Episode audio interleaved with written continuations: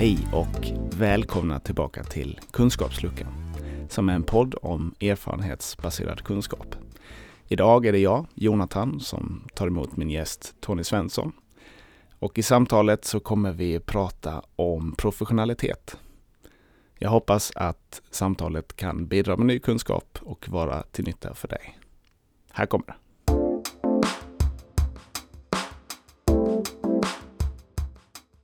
Då sätter vi igång det här avsnittet där jag, Jonathan, sitter tillsammans med vem då? Tony Svensson.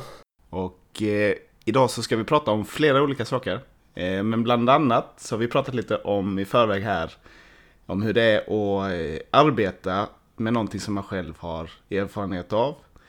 Eh, och hur man använder språk och lite hur utbildning väger in i förhållande till det som man själv har erfarenhet av. Eh, jag tänker börja med en ganska öppen fråga. Vem, vem är du? Jag är eh, Tony Svensson, uppvuxen i Kristianstad. Eh, bor numera i Lund. Jobbar inom eh, LVM-vården på LVM-hemmet Lunden. Eh, sluten missbruksvård för vuxna kvinnor. har själv ett förflutet i missbruk och kriminalitet där har du mig i ett nötskal. Hur länge har du arbetat på din arbetsplats? I september har jag jobbat där i fem år. Hur är det att arbeta på en plats där du möter människor som är i ett aktivt missbruk när du själv tidigare har varit i ett missbruk? Ja. Överlag så är det en ganska intensiv eh, arbetsplats. Jag lär mig väldigt mycket om mig själv varje arbetsplats jag gör. Och jag hoppas att jag eh, lyckas eh, så några frö i, även i klienterna. Vilka tankar väcker det hos dig själv? Alltså blir du påmind om olika saker i att du arbetar från ditt eget missbruk? Ja, alltså det jag blir mest påmind om är nog eh, kanske inte missbruket i sig utan alla problem som, som stod runt omkring med eh, familj, vänner, barndomsvänner, eh, våld. Utövade väldigt mycket våld på den tiden jag missbrukade. Eh, vi tar emot särskilt vårdkrävande klienter som är utåtagerande. Så det är nog mer de beteendena som, som eh, påminner mig om mitt förflutna. Gör det att du får mer tålamod med klienterna eller är det, väcker det jobbiga känslor hos dig själv att se det igen? Nej, det, det väcker inga jobbiga känslor. Det, Tålamod, jag, jag trodde aldrig jag skulle ha det tålamodet jag har eh, på min arbetsplats. Eh, I mitt privata liv har jag inte det tålamodet. Eh, jag vet inte var jag får det ifrån men eh, när jag började jobba här så jag var lite osäker på hur jag skulle reagera första gången jag blev attackerad av en klient. För det händer med jämna mellanrum att vi blir. V vad är det som händer då? Ångest, eh, abstinens, eh, de ser ingen annan utväg. Eh, de tänker att, eh, eller jag tror faktiskt inte de tänker överhuvudtaget. Jag tror att det liksom blir eh, svart för en hundradel sekund och då har de tagit det första steget. Sen när de får tillbaka eh, förståndet så har de redan tagit det steget och då, då går de på rutin bara. Eh, och då kliver de nästa steg också. Mm. Och, men hur, hur bemöter man en sån situationer? Ja, eh, som sagt jag var orolig för hur jag skulle hantera det första gången men eh, man får någonstans eh, tänka att eh, det är inte liksom eh, deras tanke tror jag inte är att skada mig. Deras tanke är liksom att få bort ångesten. Och då, eh, man, man får lägga det där. Och hos oss är de inlåsta bakom 30 cm betong så eh, ångest får man hantera på plats. Jobbar du på ett öppet behandlingshem så, så kan du liksom Ja men jag tar en promenad eller jag sticker till gymmet eller jag går ner till vattnet en stund. Och de här kortsiktiga eh, lösningarna. Eh, hos oss behöver man jobba med de långsiktiga. Du behöver hantera ångesten på plats. Skulle vi liksom jobba med kortsiktiga lösningar så, så hade vi haft samma problem två dagar senare. Men du är inte ensam i en sån situation? Ni är alltid flera som jobbar ja, tillsammans? Vi, vi, och vi har ju eh, larm. eh, internt eh, larm som, som larmar i huset. Eh, och det kan väl ta en, skulle tippa på mellan 20 och 30 sekunder så är vi väl en åtminstone 10-15 personal på plats. Jag tänker lite utifrån en sån situation där någon har eh, ångest och allt det här och blir aggressiv. Så måste det ju finnas ett samspel i personalen för att det ska kunna fungera och att det ska kunna vara någorlunda säkert ändå. Man kan hantera den situationen. Men i personalen så är det både de som själva har erfarenhet av att ha varit i missbruk och de som inte alls har det. Stämmer det? Det stämmer bra. Och är det...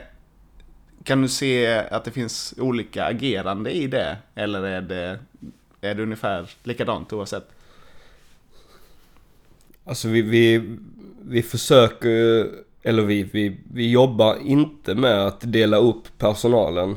I, du är duktig på detta, du är bra på detta, du har den utbildningen, du har det, denna erfarenheten. Det är inte ett sätt vi jobbar på men, men undermedvetet blir det nog eh, så ändå. Där finns en, vilket jag inte tycker är rätt, men där finns en viss grupp av personal som man ofta sätter där det finns stor risk för utåtagerande beteende.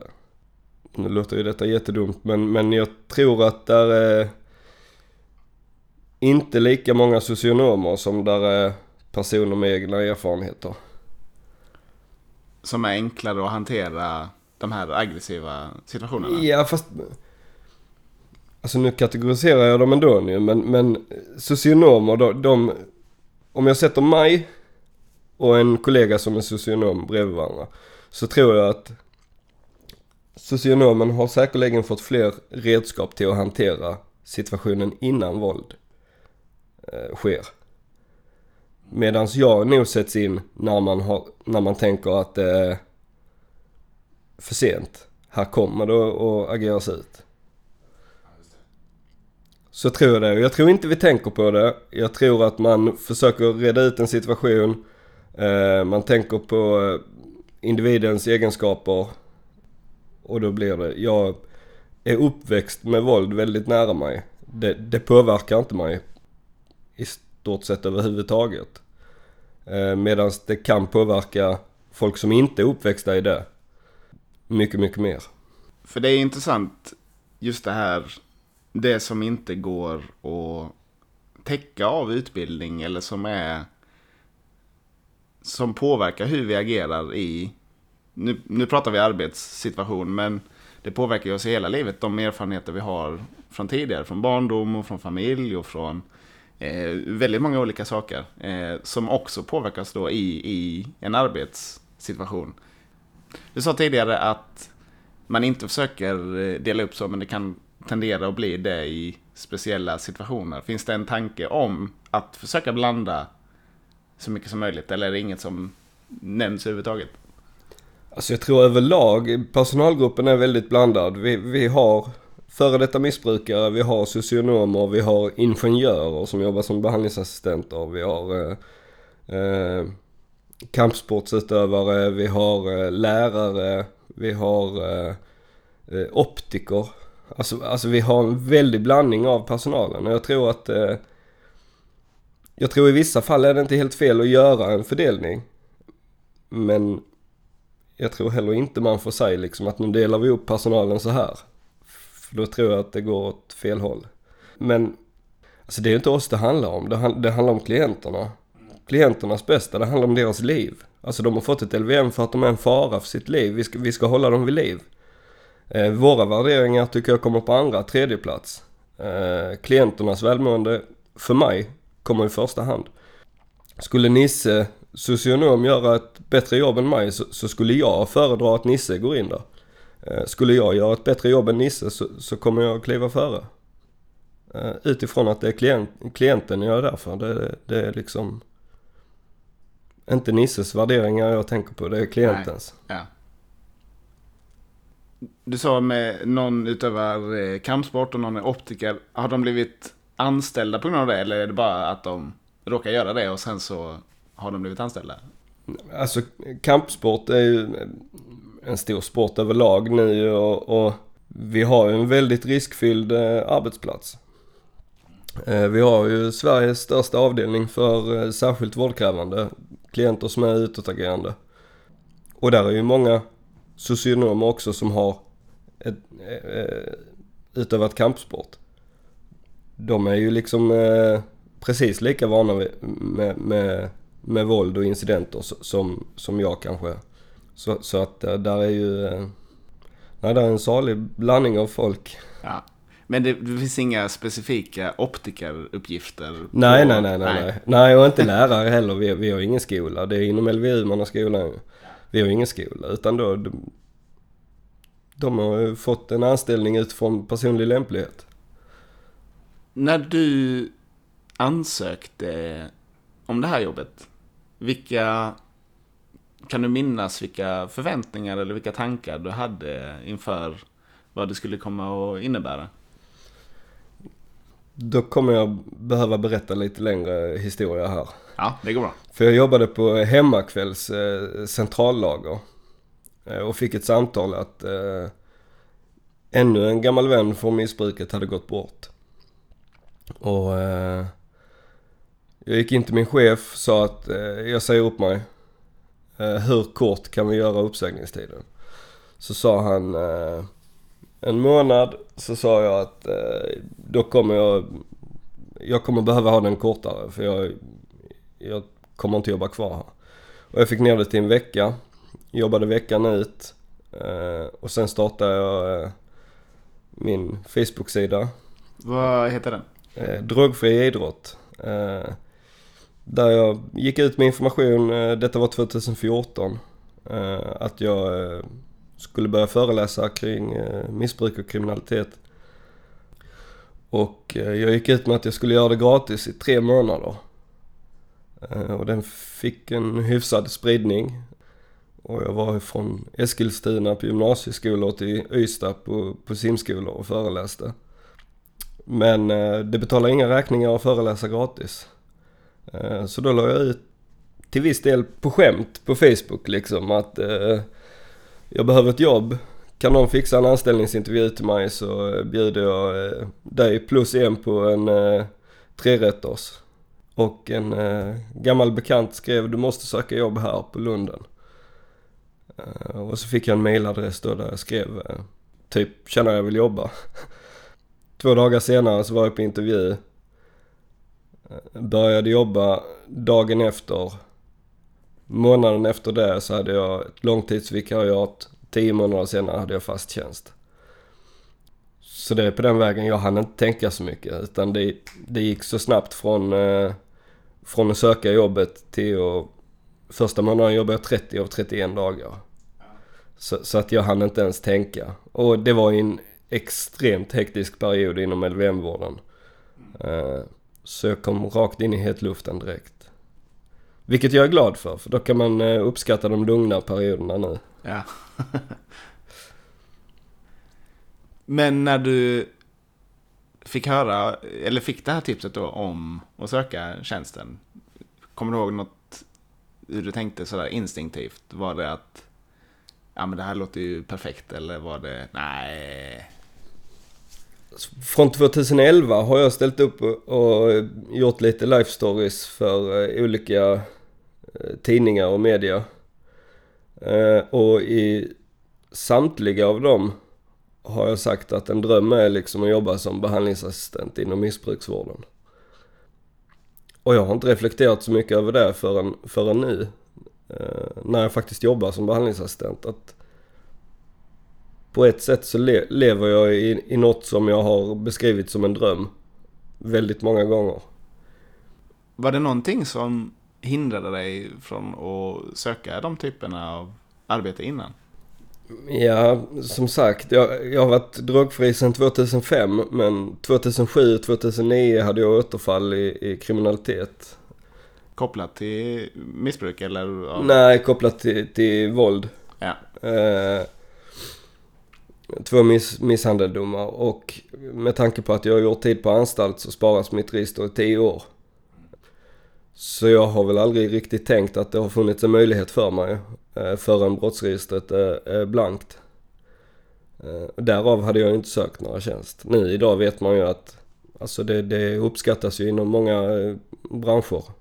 Att man har ett förflutet, eh, framförallt som behandlingsassistent, att man har ett eh, förflutet inom eh, missbruk själv.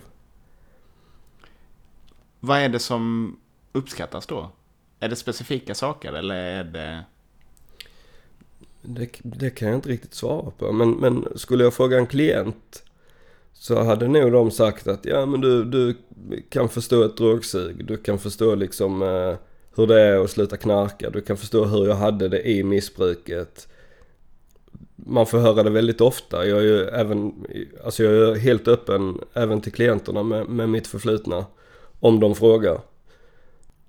Så man får höra det väldigt ofta och jag, jag försöker liksom eh, Jag låter aldrig det bara gå, gå förbi utan jag, jag, jag menar på att ja men när du är abstinent så mår du riktigt, riktigt dåligt. Ja. Men eh, om vi nu ska ta Nisse här igen som exempel. Vad är, vad är det som säger dig att Nisse aldrig har mått riktigt, riktigt dåligt? Jo men det har han ju säkert. Ja men då kan han ju relatera till, till, till måendet. Kanske inte knutet till, till drogerna men, men till måendet kan han ju relatera till. Och det brukar, en del får upp ögonen liksom och jag tar aldrig åt mig det liksom att eh, nej det är bra, det är mig ska du lyssna på. Jag, jag, jag har också varit där. Utan jag, jag försöker höja oss som grupp för jag tror jag jobbar inte 24-7. Eh, Nisse jobbar inte 24-7. Det, det är tillsammans vi gör arbetet med klienterna. Ja. Du, du pratar om att man känner igen sig i, i erfarenheter som man, som man båda delar. Och om Nisse då inte hade haft ett missbruk så kan han fortfarande haft ångest eller mått dåligt eh, mycket. Finns det, finns det någonting som är eh, känsligt eller riskabelt att jämföra med varandra? Alltså kan det bli fel också? Vi, vi har ju, vi jobbar inte med behandling inom LVM. Vi, vi jobbar med motivation till behandling. Eh, däremot så erbjuder vi återfallsprevention. Ja. Och för att få lov att hålla i det så behöver du ha högskolepoäng. För SIS kräver det till sin utbildning för att hålla i återfallsprevention.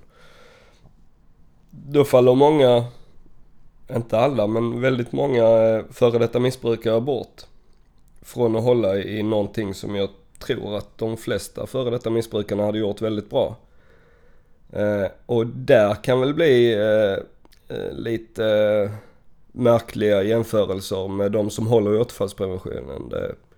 De jämförde med när de slutade röka, Eh, sluta äta godis. Eh, hade jag själv varit tvångsomhändertagen för mitt missbruk på den tiden när jag missbrukade och någon hade kommit och sagt till mig att ja men jag vet hur det är att sluta, jag har slutat äta godis. Så hade jag blivit eh, väldigt, väldigt arg. Ja. Utifrån mina egna situationer när jag har arbetat med, jag har inte arbetat med missbruk specifikt, men jag har arbetat på HVB-boende en del. Så är det ibland svårt för mig när jag inte har saker som jag kan relatera till utifrån egen erfarenhet. Man vill, man vill visa att man vill försöka förstå. Men man är samtidigt medveten om att jag har inte alls gått igenom samma sak som du går igenom nu. Och det kan liksom vara svårt att hantera för mig då. Och då känner jag, nej, jag ska inte försöka säga, jag ska inte bara försöka säga någonting för att liksom, att vi ska hitta varandra i någonting som kanske inte alls betyder samma sak eh, för den personen som jag pratar med som det betyder för mig då. Mm, jag, jag tror precis så som du förklarade för mig nu. Tycker jag är ett extremt respektfullt sätt att förklara det på. Shit, det, detta kan jag liksom inte relatera till. Det, det, det, måste ju vara fruktansvärt. Alltså, men jag har inget jag kan, kan jämföra med. Eh, att man gör det klart ganska tidigt tror jag ses som eh, väldigt respektfullt och att man knyter band. Ingen prestige i det. Eh, jag tror ärlighet överlag tror jag, tror jag liksom är, är nyckeln. Kan man inte relatera så, säg, så tycker jag man ska säga det. Det är ju många situationer jag inte kan relatera till. Och, och då, det, det outar jag direkt liksom. Kan det bli att man tappar visst förtroende? Alltså det är bra att man är ärlig. och säger det här, det här har jag inte så bra koll på. Men kan det bli att... Min tanke är att man skulle kunna känna som klient då att ah, då kanske du inte kan hjälpa mig så mycket i den här situationen. Har du upplevt det eller är det snarare tvärtom? Just i, i situationen så tror jag, kan det säkert eh, skära sig lite ibland. Eh, när, när man är så ärlig. Men jag tror i längden när, när det hinner landa liksom så tror jag man ser det som, eh, som något positivt. Och jag tror överlag i längden att det, att det är till en vinst att vara ärlig. Eh, jag är helt övertygad om att den klienten eller ungdomen eller patienten eller vad det nu kan vara kommer att söka sig till dig igen utifrån din ärlighet. Det, det, kan vara svårt att värdera i förhållande till varandra, men om man skulle ställa ärlighet på ena sidan och kunskap på andra sidan, hur, hur förhåller de sig till varandra? Vad tror du är, går det att säga att någonting är viktigare än det andra i mötet med människor? Jag tror mycket handlar om eh, Jag tror mycket handlar om var, var kunskapen kommer ifrån i den frågan. Alltså vi har ju tusen arbetsuppgifter som, som jag är riktigt dålig på. Eh, jag gillar ju till exempel inte det administrativa. Alltså sitta still är inte min eh, absolut starkaste sida. Men var kunskapen grundas tror jag är viktigt och vilket ämne det är man pratar om. Eh, jag tror det är svårt att hänvisa till, till litteratur man har läst när man pratar abstinens med en klient som är jätteabstinent. Eh, jag, jag tror att det är riskfyllt att göra. Där, där är jag helt övertygad om att ärlighet väger tyngre. Och i många andra frågor som, som att göra missbrukskartläggningar, eh, administrativa uppgifter, där, där är ju kunskapen det som är det absolut viktigaste. Fast den behöver ju grundas i ärlighet också. Mm. Men skulle man kunna säga att det beror på situationen lite då? Att mycket, om, om klienten upplever mycket ångest så blir det av större betydelse att kunna vara ärlig med och säga jag är här, jag vill försöka hjälpa dig men jag, jag har inte själv jag, jag kan inte sätta mig in i vad du upplever just nu, men jag, jag, jag finns här för att hjälpa dig. Att då, då betyder det mycket mer då, eller för den delen att man själv har erfarenhet och kunna säga, jag, jag har också gått igenom det som, som du går igenom nu. Ehm, men i, i andra situationer så, så blir kunskapen mer avgörande då kanske. Och jag tänkte det var intressant, du pratade om att på LVM-behandlingen som du, som du arbetar i så, så pratar man inte så mycket om behandling i sig, utan att man motiverar till behandling. Och att kanske i, i den situationen så blir det också mer betydelse av eh, att man är ärlig än när man jobbar kanske i en mindre, mindre kritisk situation där det mer det finns lite mer utrymme att saker kan gå lite fel utan att det får väldigt, väldigt stora konsekvenser direkt då i den öppna behandlingen till exempel. Ja, alltså vi jobbar ju med, med vuxna kvinnor med dubbeldiagnoser. Alltså det är ju missbruksproblematik i kombination med psykisk ohälsa. Väldigt många har ju liksom, eh, ADHD är ju överlag väldigt, väldigt vanligt på vår institution. Tydlighet, rakhet, ärlighet. Jag tror, eller jag upplever att det är extremt viktigt innanför våra väggar. Om vi skulle ta det här med, med ett eh, panikångestattack eh, eller ett ångestanfall eller vad det nu kan vara.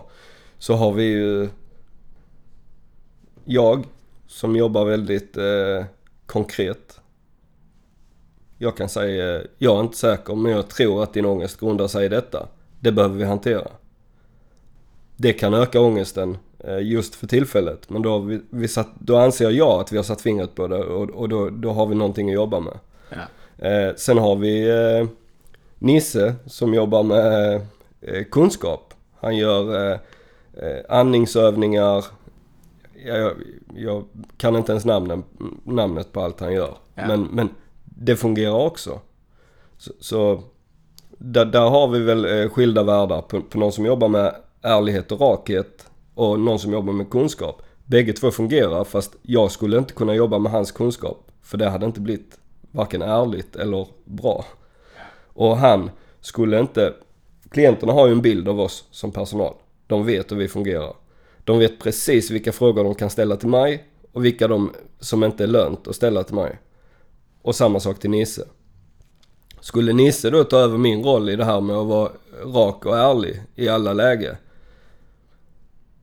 Alltså nu menar jag inte att han inte är rak och ärlig men jag menar det här brutala. Att man li- liksom nästan... Eh, det är nästan lite provocerande. Eh, det skulle ju de se som, som direkt respektlöst och eh, otrevligt om han hade gjort. Men när jag gör det så, så för dem känns det nog mer eh, naturligt. Agerandet är ju ett sätt som det kommer på. Som jag tänker att det avslöjas. Eh, ens, ens personlighet blir så tydligt i hur man agerar. Om du skulle börja agera som eh, klienterna förväntar sig att Nisse agerar och vice versa. Då kommer det ganska snabbt kännas konstigt. Vad, vad håller du på med? Mm. Eh, men jag tänker också kring hur man, vilka ord man använder och så här. Finns det, använder du ord på ett speciellt sätt i förhållande till ja, men hur andra kollegor använder det? Och det behöver inte bara bero på om man är utbildad till socionom eller optiker eller vad du sa då, utan hur, hur använder du orden i, i ditt arbete? Alltså jag, jag tror att jag har, eh, det är klart att jag har lärt mig eh, nya bra ord sen jag började jobba inom, inom missbruksvården. Eh, men överlag har jag nog eh, ungefär samma ordförråd som jag hade på den tiden när jag missbrukade. Tycker jag att det liksom ser eh, ut som en pundarkvart på ett klientrum så använder jag mig av ordet pundarkvart. Där, där tror jag att många eh, eh, före detta missbrukare eller eh, folk som inte har en liksom eh, utbildning efter gymnasiet försöker eh, vidga sitt ordförråd lite för snabbt. Eh, använder ord som, som alltså där, där finns ord mina kollegor använder och om jag skulle ta till mig dem och börja använda dem så hade det känts fel. Både från mig och eh, för klienterna. Därav så använder jag mig eh, av ett ordförråd som, som, som jag känner mig trygg i. Jag tror man gör ett eh, så bra jobb som möjligt om du... Alltså ju tryggare du känner dig i dig själv desto... Eh, ju mer du är inne i din box där du känner dig trygg desto, bättre jobb kan du utföra. Och börjar man tassa ut från den där boxen så, så kan det bli fel och, och eh, eh, kan nog både bli pinsamt och eh, väldigt jobbigt. Finns det utrymme att hålla sig inom den nu riktar jag frågan till dig specifikt då. I, I det du möter i arbetet, kan du hålla dig inom din trygghetsbox där du känner att nu behöver jag inte använda konstiga ord eller uttryck eh, som jag inte hade använt annars? Eller är det, uppstår det ibland situationer där du ändå måste göra det? Eller?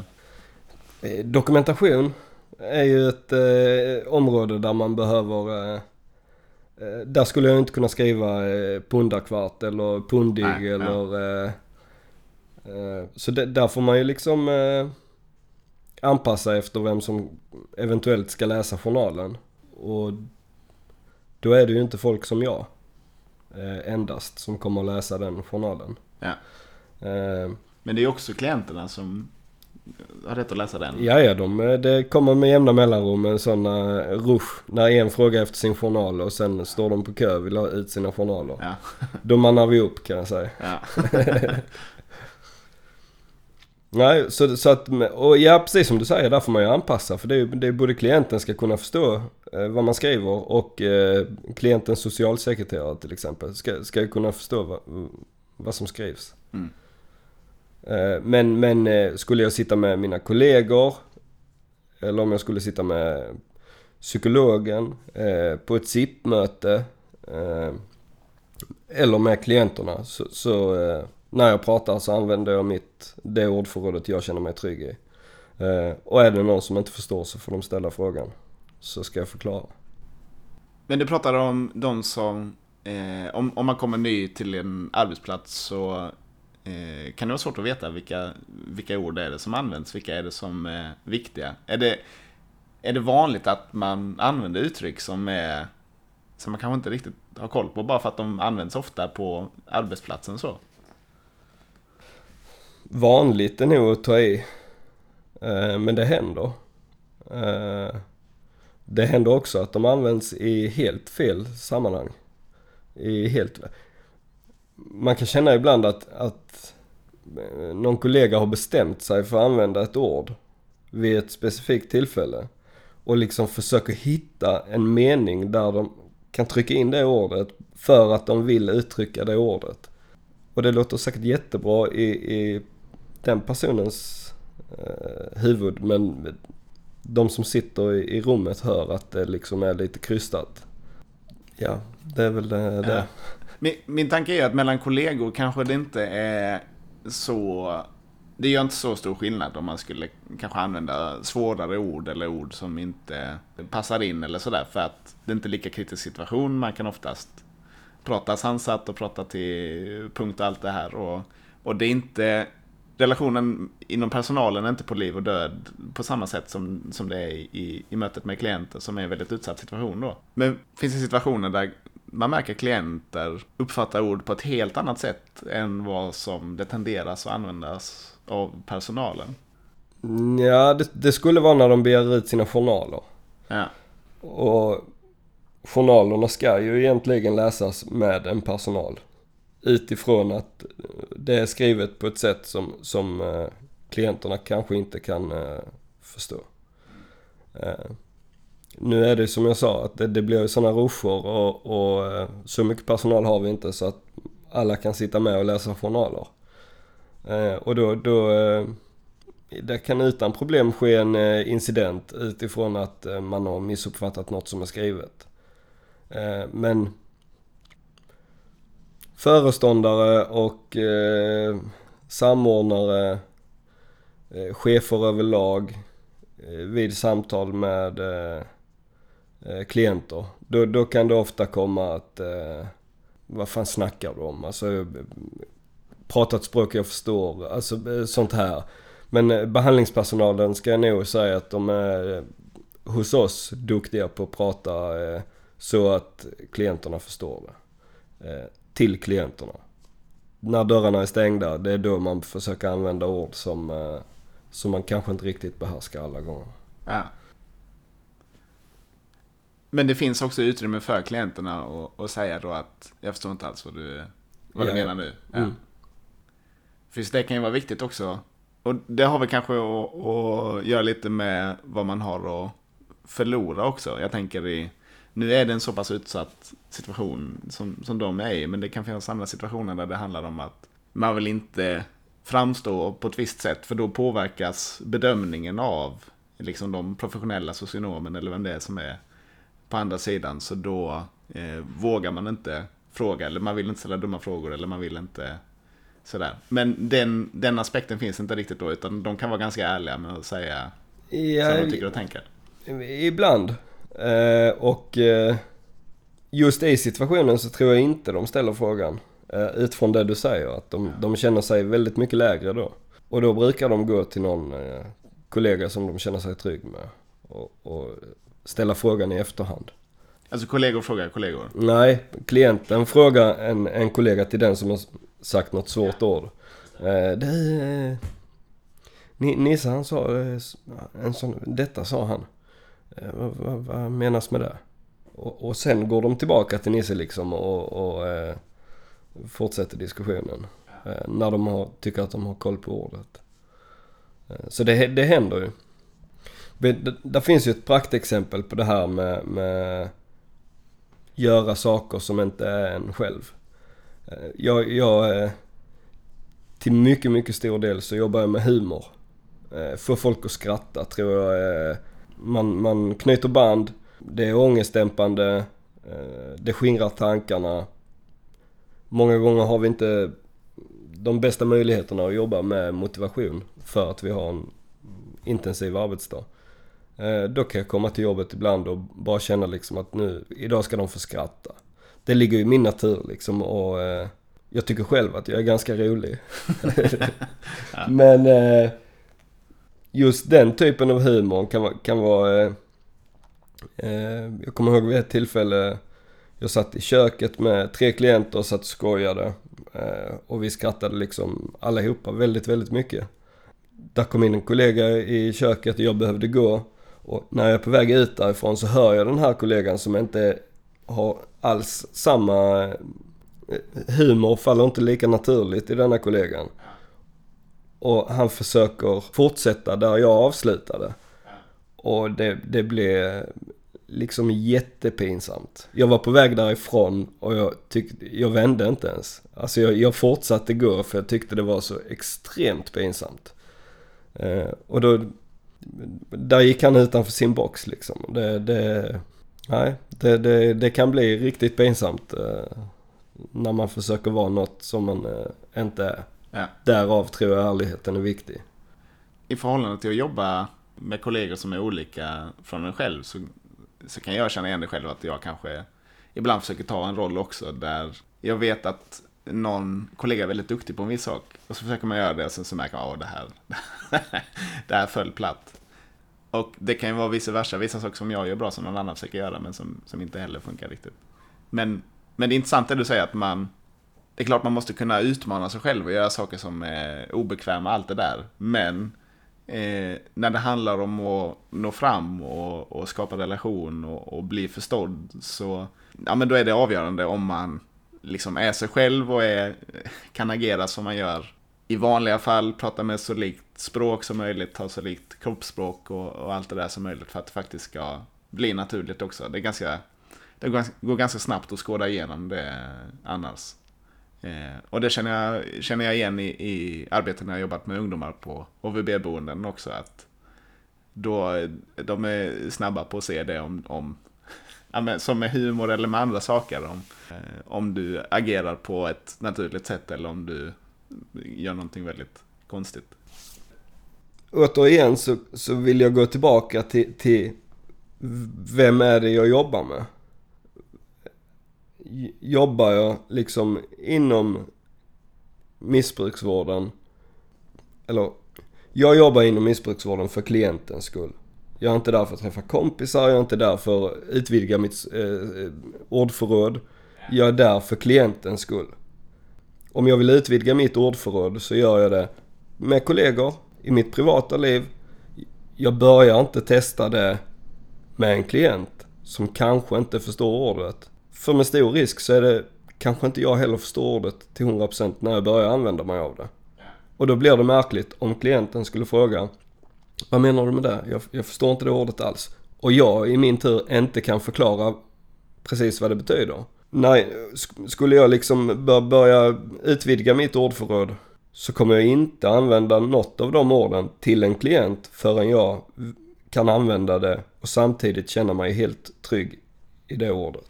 Finns det vissa begrepp i behandlingen som är otydliga? Alltså ehm, som återfallsprevention är en metod. Eller finns det andra så här?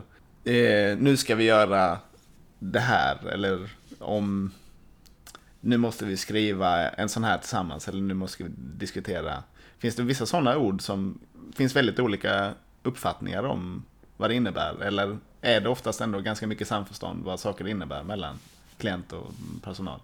Och ord i sig vet jag inte, men jag vet något som har eskalerat under mina fem år inom eh, vården. Det är att sätta diagnoser. Det används alldeles för ofta av folk som inte har rätt till att sätta diagnoser. Eh, och om det är så att de säger jag tror att den här personen har det ena eller det andra.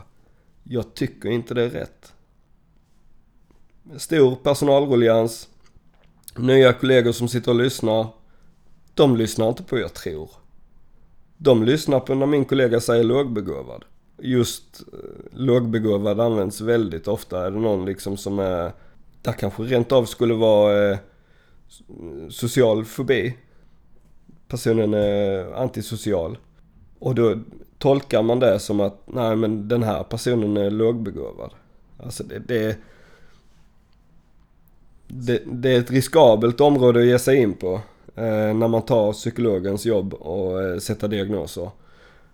För att jag kan uttrycka det i, i en misstanke, men hur, hur låter det för mina eh, kollegor? Och att det blir en form av snöbollseffekt då, att saker bygger vidare. Ja, speciellt och... när det rullar mycket personal. Så, ja. Jag tror försvinner. Alltså på två dagar. Följer det med på rapporten i två dagar så är det ett... Eh, jo men eh, Lisa hon är lågbegåvad. Det tar två dagar så, så är det liksom en satt diagnos i personalgruppen. Och det, det är en rätt så grov kränkning. Eh, om det inte finns en, en diagnos. Finns det något sätt att motverka att personal inte kan göra skillnad på jag tror att det här och det här kan vara viktiga faktorer för den här klienten och att det blir sanningar inom personalen att klienten är så här och så här. Alltså jag, jag, jag personligen tycker att man går utanför sina arbetsuppgifter eh, när man börjar eh, eh diskutera diagnoser och eh, eh, det, det, vi har psykologer till det.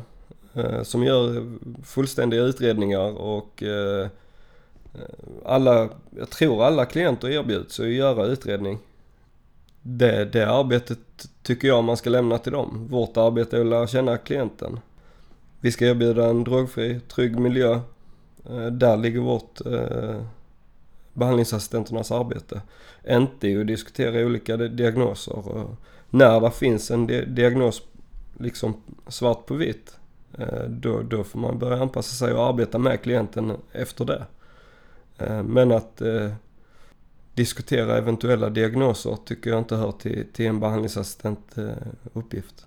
Då hade inte personen i fråga varit behandlingsassistent. Så en liten riktlinje då är att det är skillnad mellan att diskutera en diagnos som är satt och som finns och att man bara spekulerar då kring det skulle kunna vara detta och detta för det är inte relevant. Och det gör, det gör någonting negativt i hur man bemöter klienten då också. Jag tycker inte man ska diskutera diagnoser överhuvudtaget, inte ens när den är satt. Utan ja. man får anpassa sitt arbete efter en satt diagnos. Vi, vi, vi ska ha vetskapen om diagnosen. Vi ska kunna arbeta med den specifika diagnosen. Vårt arbete är inte att diskutera diagnosen i, i sig. Vårt arbete är att motivera klienten till behandling i öppnare former. Vilka saker är det viktigt som personal att prata om för att kunna bemöta en diagnos? Alltså finns det en skillnad att prata om diagnosen i sig och hur man förhåller sig till personen som specifik individ med den här diagnosen? Vi har en, en ganska eh, återkommande och klassisk eh, situation med klienter som kommer och har lite torgskräck. De, de har svårt med mycket folk, eh, vill gärna inte sitta i köket och äta middagen. Eh, vi har, eh, det är ganska strikt att lunch och middag äter man i köket. Fika kan man ta in på rummet och äta. Att jobba med en sån klient, eh, att sitta och diskutera klientens diagnos, det ser jag, det, det, jag ser inte hur det ska hjälpa klienten. Det som kan hjälpa klienten det är att jobba utifrån diagnosen. Lunchen är 12. Eh, jag kommer hämta dig kvart över 12. Då har de andra ätit färdigt så sätter vi oss och äter. Då jobbar du med diagnosen i sig. Du, du, du diskuterar inte den. Ja, jag personligen har ingen kunskap att sitta och diskutera vad olika eh, diagnoser eh, innebär och, och behöver jag hjälp med, med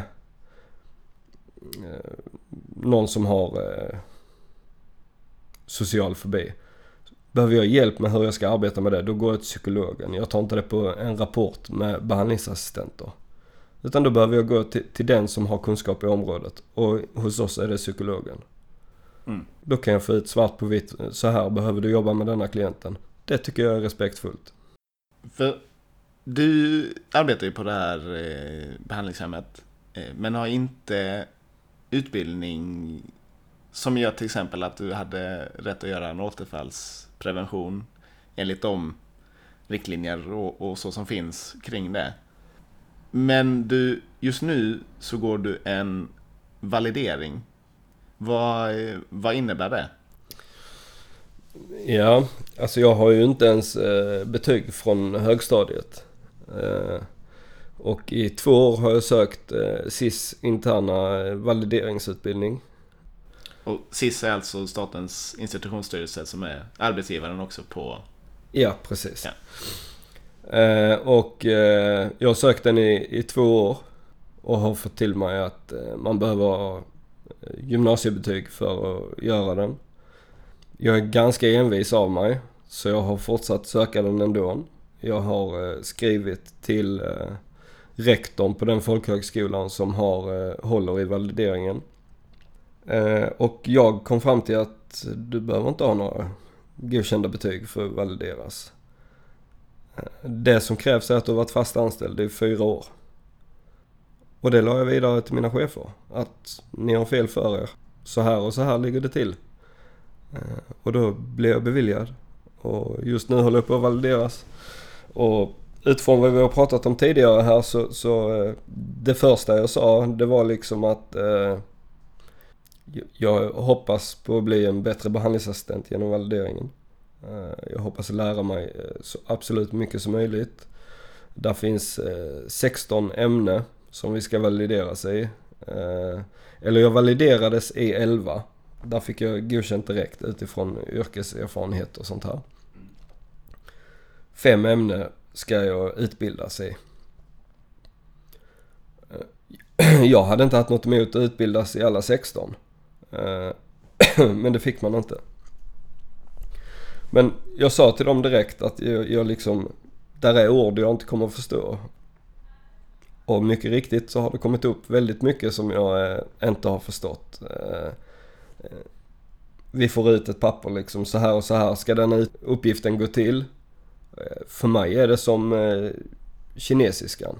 Alltså jag, jag, jag behöver konkret se en färdig uppgift för att relatera att så här ska den se ut när den är färdig. Instruktioner i sig på den nivån har jag svårt att läsa. Och då är jag ganska övertygad om att jag känner mig som en klient när personalen pratar ett språk som klienten inte förstår. Och det känns fruktansvärt. Eh, att behöva gå till sin handledare och säga jag förstår ingenting. Eh, det är ingen mysig känsla. Nej. Och därav kan jag förstå hur klienterna känner sig när de behöver komma till mig och fråga vad, vad menar Nisse med detta? Men eh, de sa också att eh, det är ingenting som eh, vi, vi, vi vill liksom inte lära dig använda massa ord. Men det är dessa orden vi använder i utbildningen så du behöver, du behöver lära dig dem men du behöver inte nyttja dem. Så är det prov som du får göra sen? Eller hur skriver du textar? Eller hur funkar det rent konkret med den här valideringen? Det är väl... Eh, jag, jag, vet ju inte ens hur en utbildning brukar se ut. Ja. Alltså jag, jag, jag har gjort SIS interna utbildningar på två, tre dagar. Det är liksom föreläsningar man sitter och lyssnar på så, så ja. blir man godkänd. På ett sätt hade det väl varit skönt om det var så även med denna. Men, men det är det inte. Utan här, här ska man, eh, det är mycket skriva. Mycket uppsatsliknande. Eh, skriva loggar, skriva observationer. Eh, för tillfället håller jag på med en projektplan.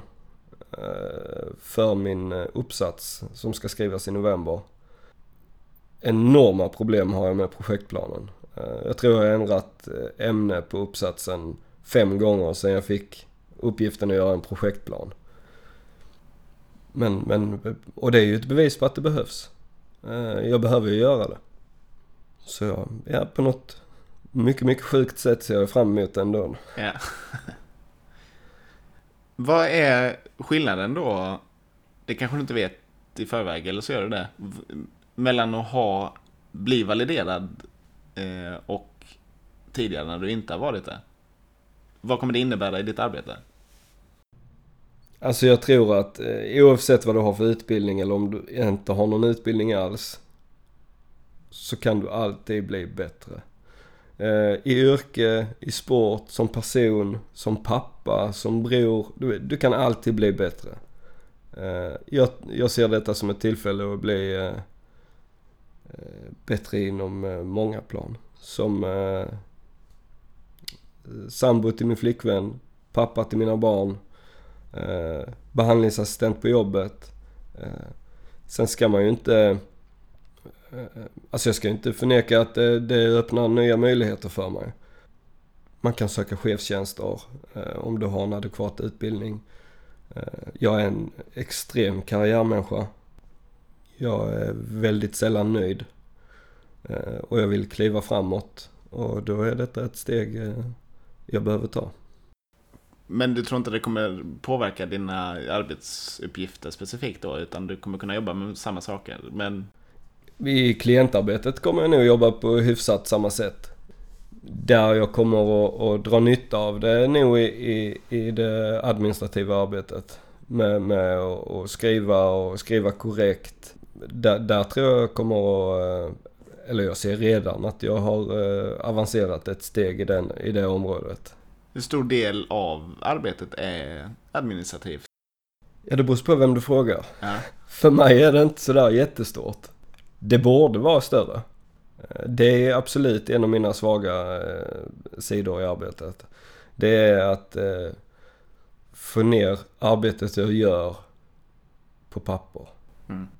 Skulle man följa mig i mitt arbete eh, bakom ryggen så skulle man nog se eh, att jag gör väldigt mycket mer än om man läser mina eh, anteckningar till exempel. Och det är ju såklart inte en fördel för mig. Att, för jag har ingen chef som går bakom ryggen hela tiden och lyssnar. Utan det är de, de, de ser ju mitt arbete utifrån anteckningar.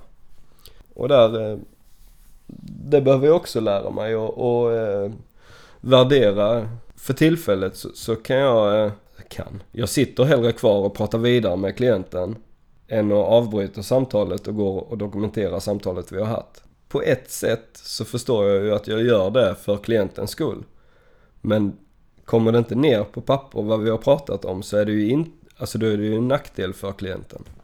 Mm. Så, så att eh, där, där eh, hoppas jag och tror jag att jag kommer att bli bättre.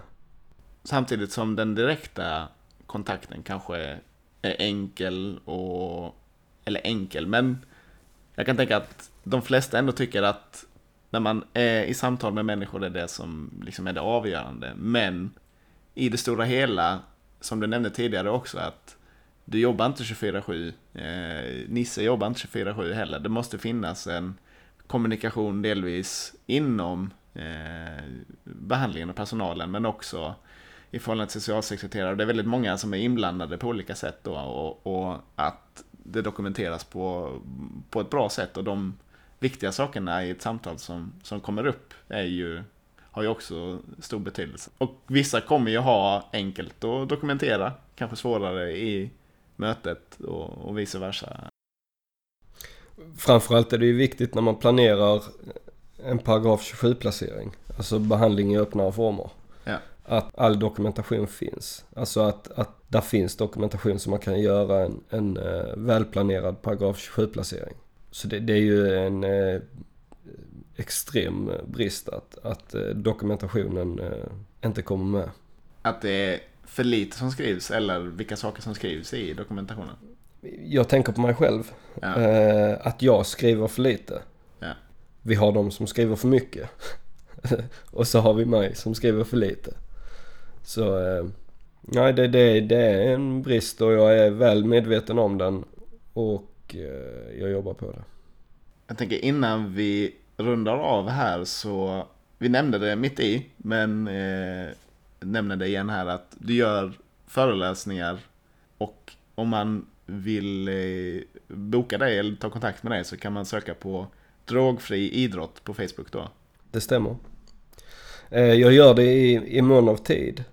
Efter de tre månaderna jag hade där jag föreläste gratis försökte jag eh, att fortsätta med det fast ta betalt. Då la jag mig på ungefär en tredjedel av priset som eh, andra föreläsare tog.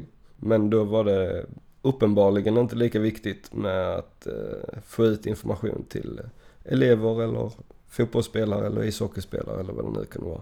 Ja. Eh, och då, jag fick inga föreläsningar. Så jag gör det fortfarande gratis eh, i mån av tid ska tilläggas. Körersättning kommer jag att- kräva. Det är liksom, eh, det är det. Det ska inte vara en utgift för mig eh, att göra det. Både trevligt och spännande att få prata om de sakerna vi har gjort idag. Så vi bara säga ett stort tack att du ville komma och dela allt det som du har berättat och samtalat om här. Tack själv. Det finns en sak till om jag får sticka till med det. Ja, det får du. Jag tror vi nämnde tidigare att eh, jag har eh, gjort, eh, gått ut med life story till media. Mm. Eh. Tidningens artiklar och ja. Ja, och där, där kan man ju googla på Tommy Svensson missbruk. Så kommer de artiklarna upp. Kan hoppas att det kan hjälpa någon ungdom eller förälder kanske att läsa. Precis. Det finns ju mycket vi inte har hunnit prata om här. Men som att du är vä- väldigt duktig fotbollsspelare spelare bland annat. Och det, här, så det... Eh, Det tycker jag själv i alla fall. Ja. ja, nej men eh, stort tack för att du eh, kom Tony. Tack så mycket.